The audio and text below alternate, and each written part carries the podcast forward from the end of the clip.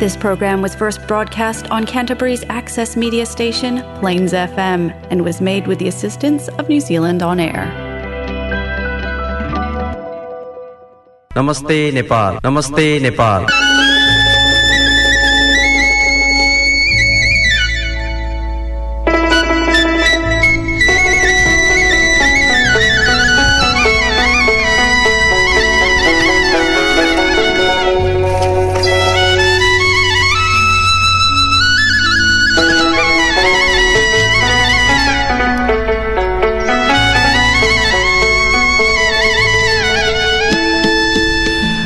नमस्कार। Plains FM ninety six point nine mega हजमा यो हो क्राइसिसवासी नेपालीहरूको आफ्नै कार्यक्रम। कार्यक्रम नमस्ते नेपाल।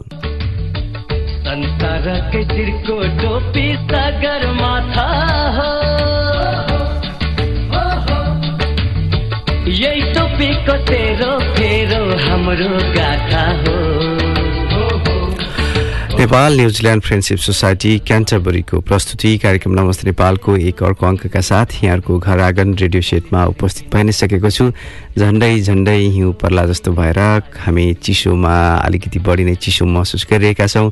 क्राइसिसको नजिकै आसपासमा रहने हुनेहरूले त हिउँसँग खेल्ने मौका पनि पाउनु पाउनुभयो होला जस्तो लाग्छ। यद्यपि हामीले हेरेरै भए पनि चित्त बुझाउने अवस्थामा आएका छौँ र चिसोमा पनि हिउँ खेल्नका लागि अलिकति टाढाको हिउँको थुप्रो भनौँ माउन्टहरूमा नै हिमालमा नै पुग्नुपर्ने जस्तो यसपालिको चिसो पनि त्यसरी नै जान्छ जस्तो भयो। श्रोता यसै क्रममा नमस्ते नेपालमा।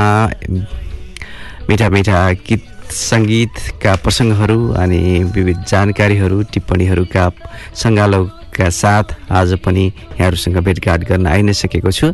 क्राइसिस आसपासमा Plains FM ninety six point nine मेगाजको यो फ्रिक्वेन्सी मोडुलेसन मार्फत प्रत्यक्ष सुन्नुहुने र Plains FM dot ORG dot NZ मार्फत क्राइसिसभन्दा बाहिर न्युजिल्यान्डभर र संसारको जुनसुकै स्थानबाट पनि आफूलाई अनुकूल मिलाएर हामीलाई सुन्ने प्रयास गर्नुभएका सम्पूर्ण श्रोताहरूलाई सधैँ चाहिँ म आजको कार्यक्रममा पनि म विनोद हार्दिक स्वागत नमस्कार टक्राउँदछु।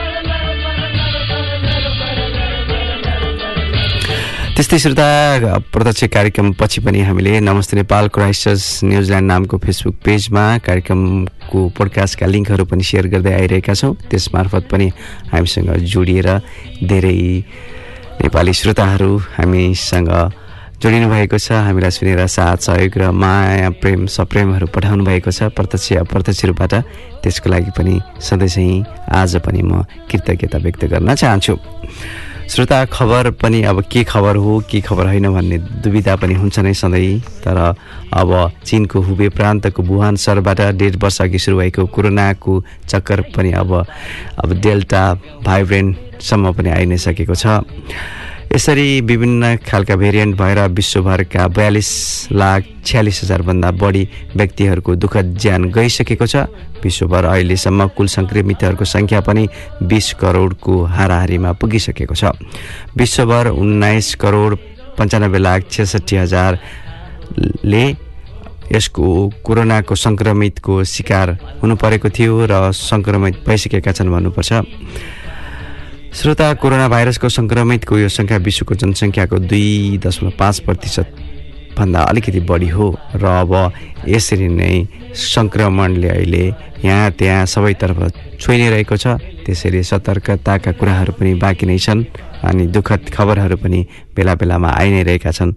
त्यो पनि हामीले यसै क्रममा सम्झाउनु परेको छ बुझाउनु परेको छ र स्वीकार गर्नुपर्ने अप्ठ्यारो अवस्थामा पनि छौँ। त्यो बाहेक श्रोता समान अधिकारका लागि आन्दोलनरत भूतपूर्व गोर्खाहरूले बेलायती प्रधानमन्त्री कार्यालय अगाडि आमरण अनसन सुरु गरेको खबर पनि त्यति सकारात्मक हो जस्तो लाग्दैन। गोर्खा सत्याग्रह संयुक्त सङ्घर्ष समितिको आह्वानमा पन्ध्र सत्र दिनको रेली अनसनपछि पनि खास केही कुराहरू नभइसकेपछि गत शनिबारदेखि आमरण अनसनमै पुग्नु परेको छ। ब्रिटिस सरकारको लागि विभिन्न युद्ध मोर्चाहरूमा खटिएर वीर सपुत पाएका र गो- गोर्खालीहरूको मागहरूप्रति ब्रिटिस सरकार अहिले अलिकति नसुनेको अलिकति नसुने जस्तो गरिरहेको अवस्थामा यो निश्चय नै सकारात्मक खबर पनि होइन।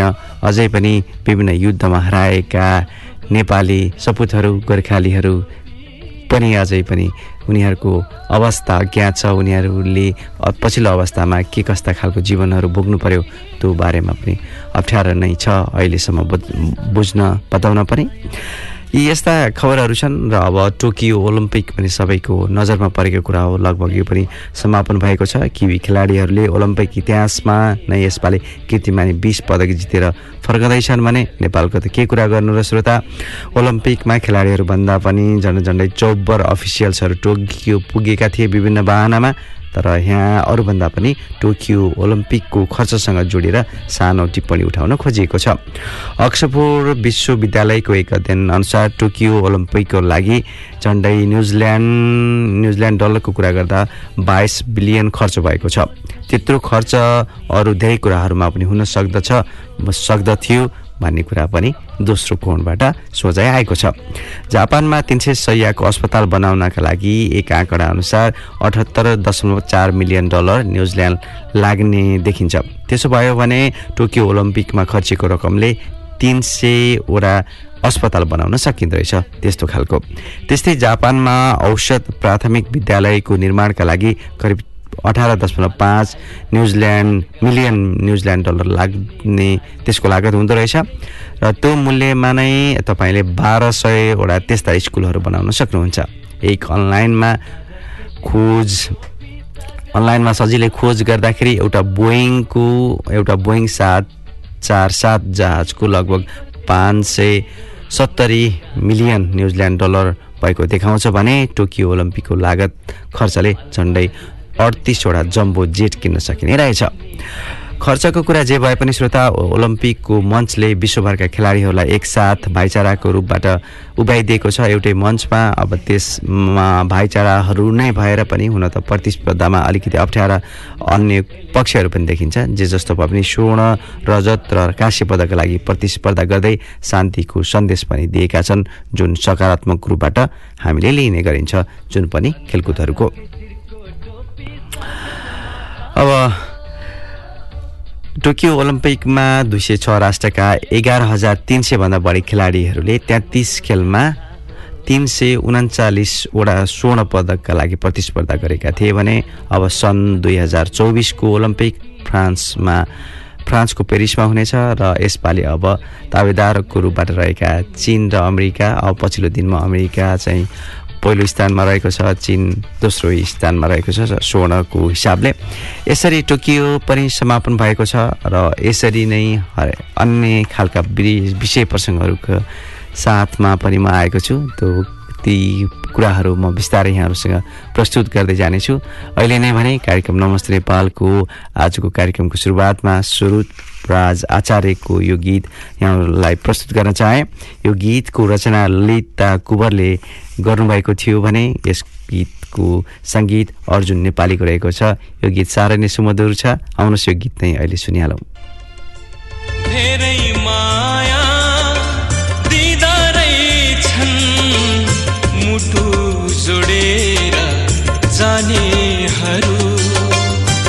यादमा डुबी बाँच्दा छन्। मुटु जोडेर बस्नेहरू यादमा डुबी बाँच्दा छन्। मुटु जोडेर बस्नेहरू लाग्ने होइन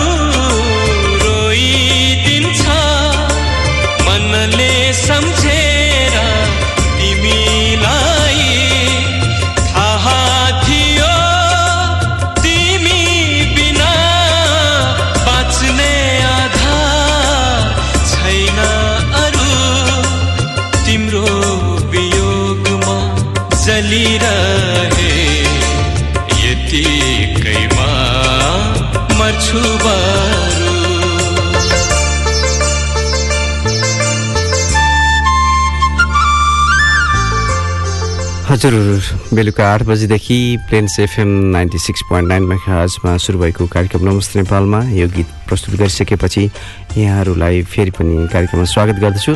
अब यहाँहरूलाई एउटा ग्रामीण विकासको एउटा अवधारणाको विषयको छोटो प्रसङ्ग यहाँ उठाउन चाहे।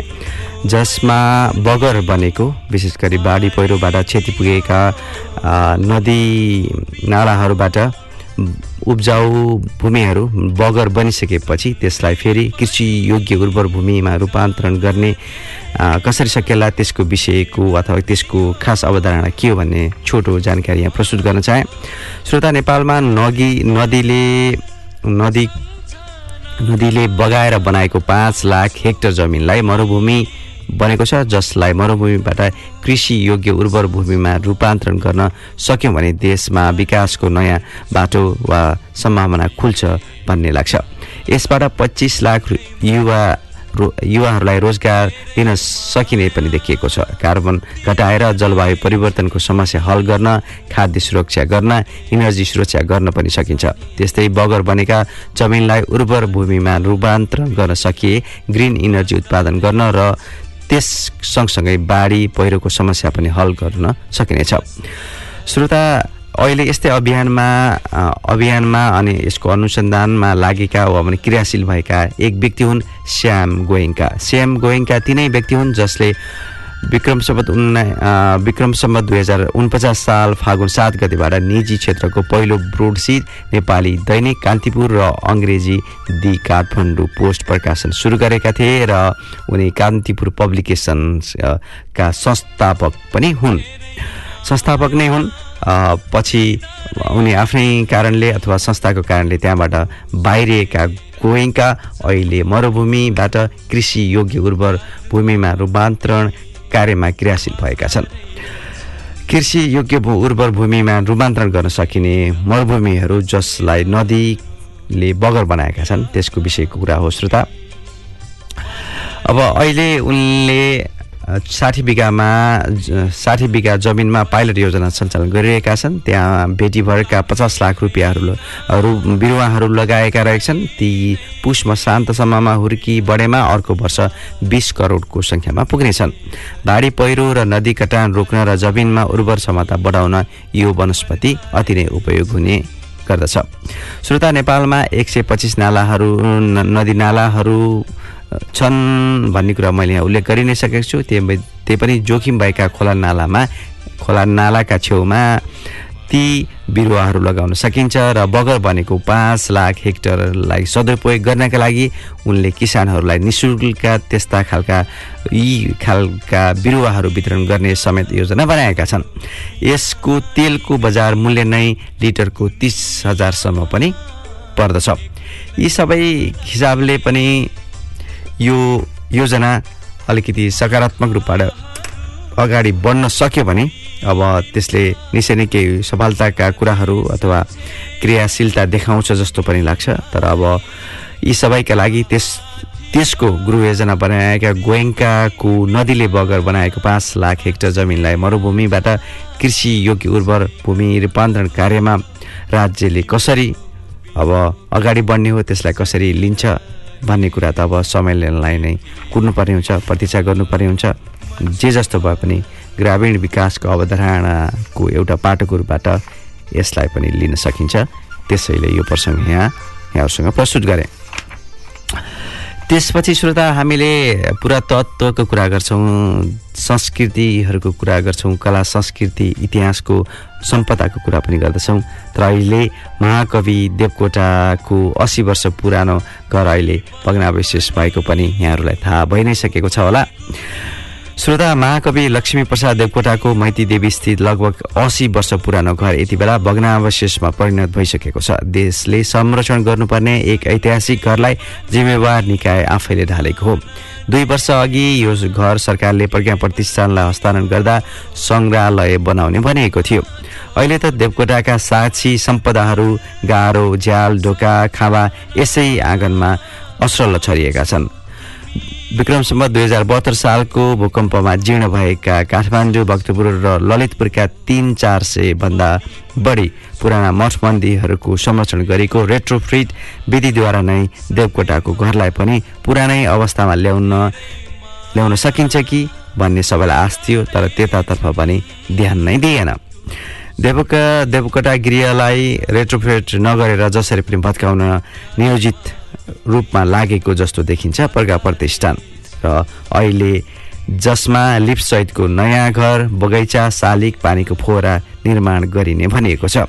श्रोता जतिसुकै पुरानो हो संसारभरि नै स्रष्टाका घर उनी उही रूपमा राखेर राष्ट्रिय सम्पदाका रूपबाट विकास गरिन्छ। बेलायतमा अझै सेक्सपियरको लगभग चार सय वर्ष पुरानो घर उस्तै छ। रुसमा पुगेहरूले पनि टल्स्टय टल्स्टयको र पुस्किनका पुराना घरहरू भेट्छन्। अरू कला सम्पदा चेत भएका मुलुकको प्रचलन पनि यही हो। हाम्रो स्रष्टाको भने असी वर्ष असी वर्षे घर पनि प्रतिष्ठानले जोगाउन चाहेन। हाम्रा राज्यका निकायहरूको कला इतिहासको चेतना कहिले कसरी जाग्ने हो त्यो भने अब भविष्यले नै देखाउनेछ भन्ने एउटा अब यो प्रसङ्ग यहाँहरूसँग जोडिनै सकेको छु श्रोता।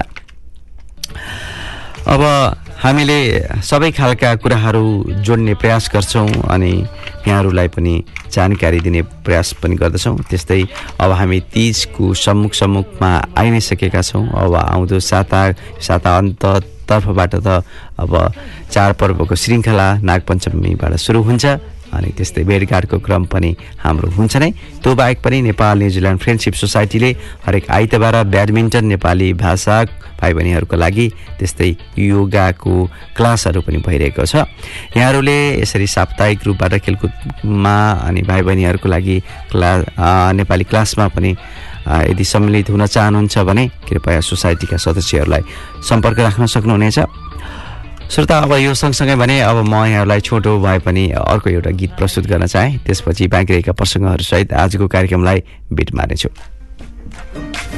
यही देशको सीमाभित्र मैले जन्म लिएँ। गोर्खालीको सन्तान भनी गर्व गर्यो थिएँ। जन्माएको आमाले हो घाँस काट्दा काट्दै बाउको जीवन यसै गयो दुःख सार्दा सार्दै। हामीलाई के नै सुख छ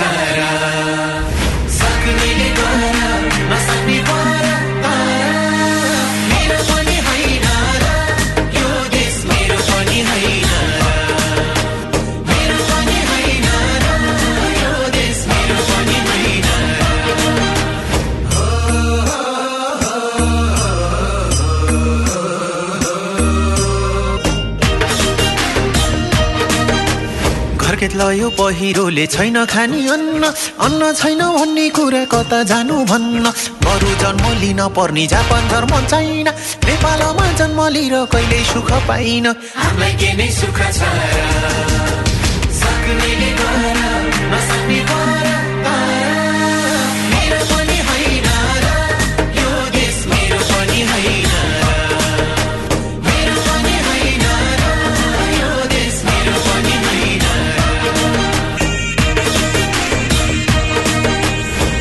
भूगोलपन विकट मेरो जातिपन तल्लो एकै बारको यो जिन्दगी बनाइदिए खल्लो।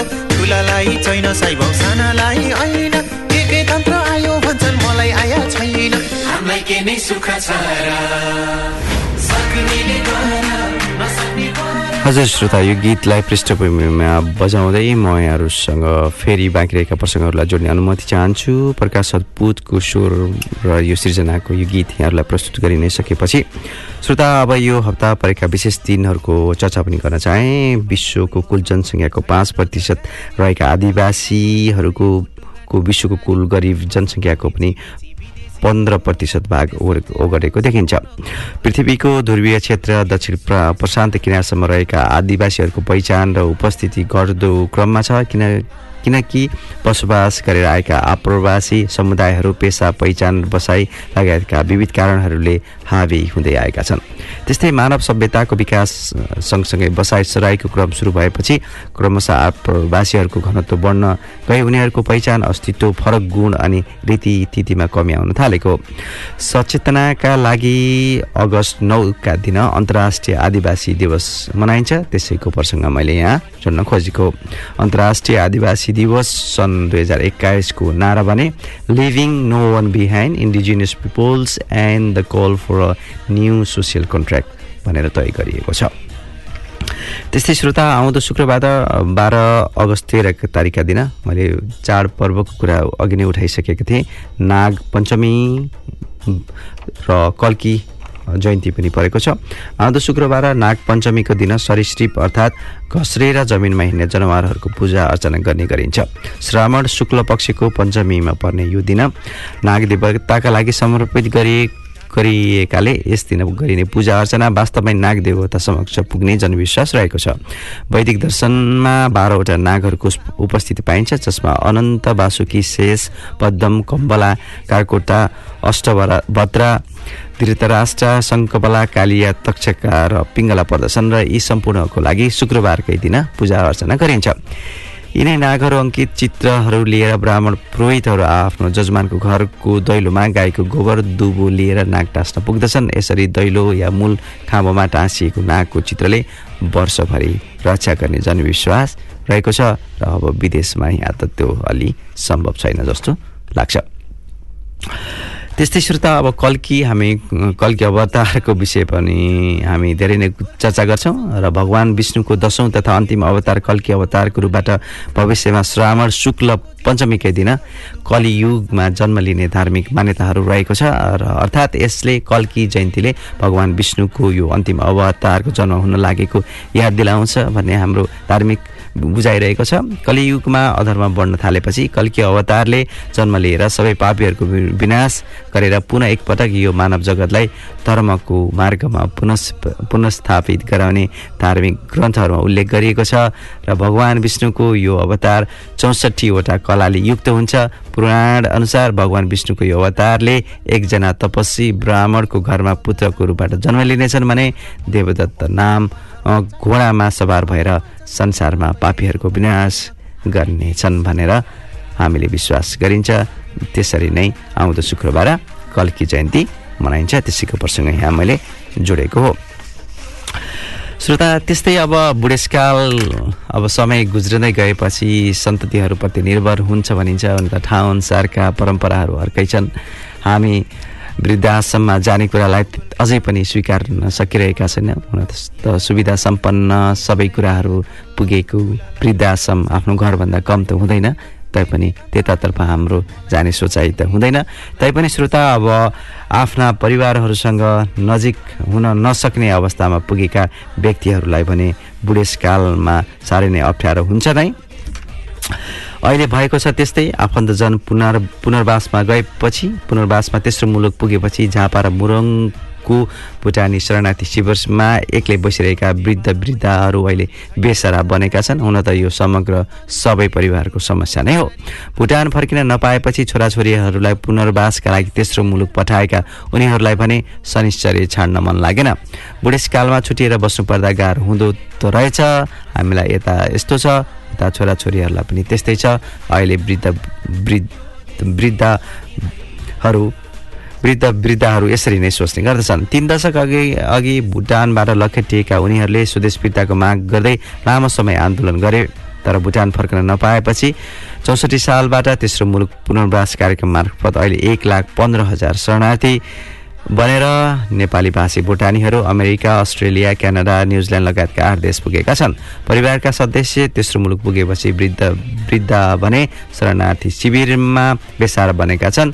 भुटानले देश निकाला गरे पनि उनीहरूलाई आफ्नो देशप्रति माया अझै पनि उस्तै छ यसरी परिवारका सदस्य पुनर्वासमा गएपछि बेसारा बनेका वृद्ध वृद्धका लागि अब पथरीमा वृद्धाश्रम निर्माण गरिएको छ भने बेलडागीमा निर्माणको चरणमा रहेको छ। श्रोता यसरी बेलुका आठ बजेदेखि सुरुवात भएको कार्यक्रम नमस्ते नेपालको आजको बसाइमा यो अलिकति अप्ठ्यारोमा परेको हुन त सबै परिवारको कुरा यस्तै नै हो तैपनि भुटानी नेपाली भाषीहरूको कुरा पनि यहाँ उठाएँ। त्यस्तै नेपाली साहित्य समाज न्युज समाज न्युजिल्यान्डको सौजन्यमा प्राप्त भएका नेपाली शब्दको तात्पर्यहरूलाई जोड्ने क्रमको यो क्रममा आज एउटा शब्द दुतिका लिएको छु। यसको पर्याय अथवा यसको अर्थ हुन्छ दुधको काम गर्ने नारी अथवा दुती जसलाई दुतिका पनि भनेर बुझिन्छ। साहित्यमा प्रेमी प्रेमिकाका सन्देश वा चिठी पत्रहरू ओरदोर गर्ने स्त्री ल- लाई दुतिका भनिन्छ जसलाई कुटुनीको रूपबाट पनि बुझ्ने गरिन्छ। श्रोता यसरी नेपाली साहित्य समाज न्युजिल्यान्डप्रति पनि सधैँ चाहिँ आज पनि कृतज्ञता व्यक्त गर्दै आजको कार्यक्रम सुनेर साथ दिनुहुने यहाँहरूलाई हृदयदेखि नै धन्यवाद दिँदै आउँदो सोमबार र बिहिबार बेलुकासम्मका लागि म विनोदलाई पनि आज्ञा दिनुहोस् नमस्कार शुभरात्रि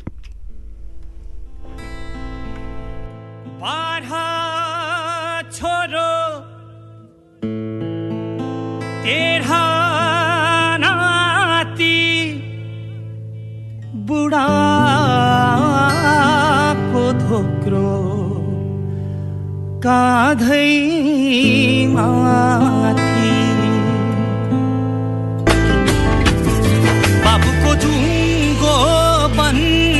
राखेको। आमाले गुन्यु चोलो साटेको। तिमीले त बिर्सेछौ। तिमीले त बिर्सेछौ। दसैँ धारा दुध पिलाएको। काँधैमा राखी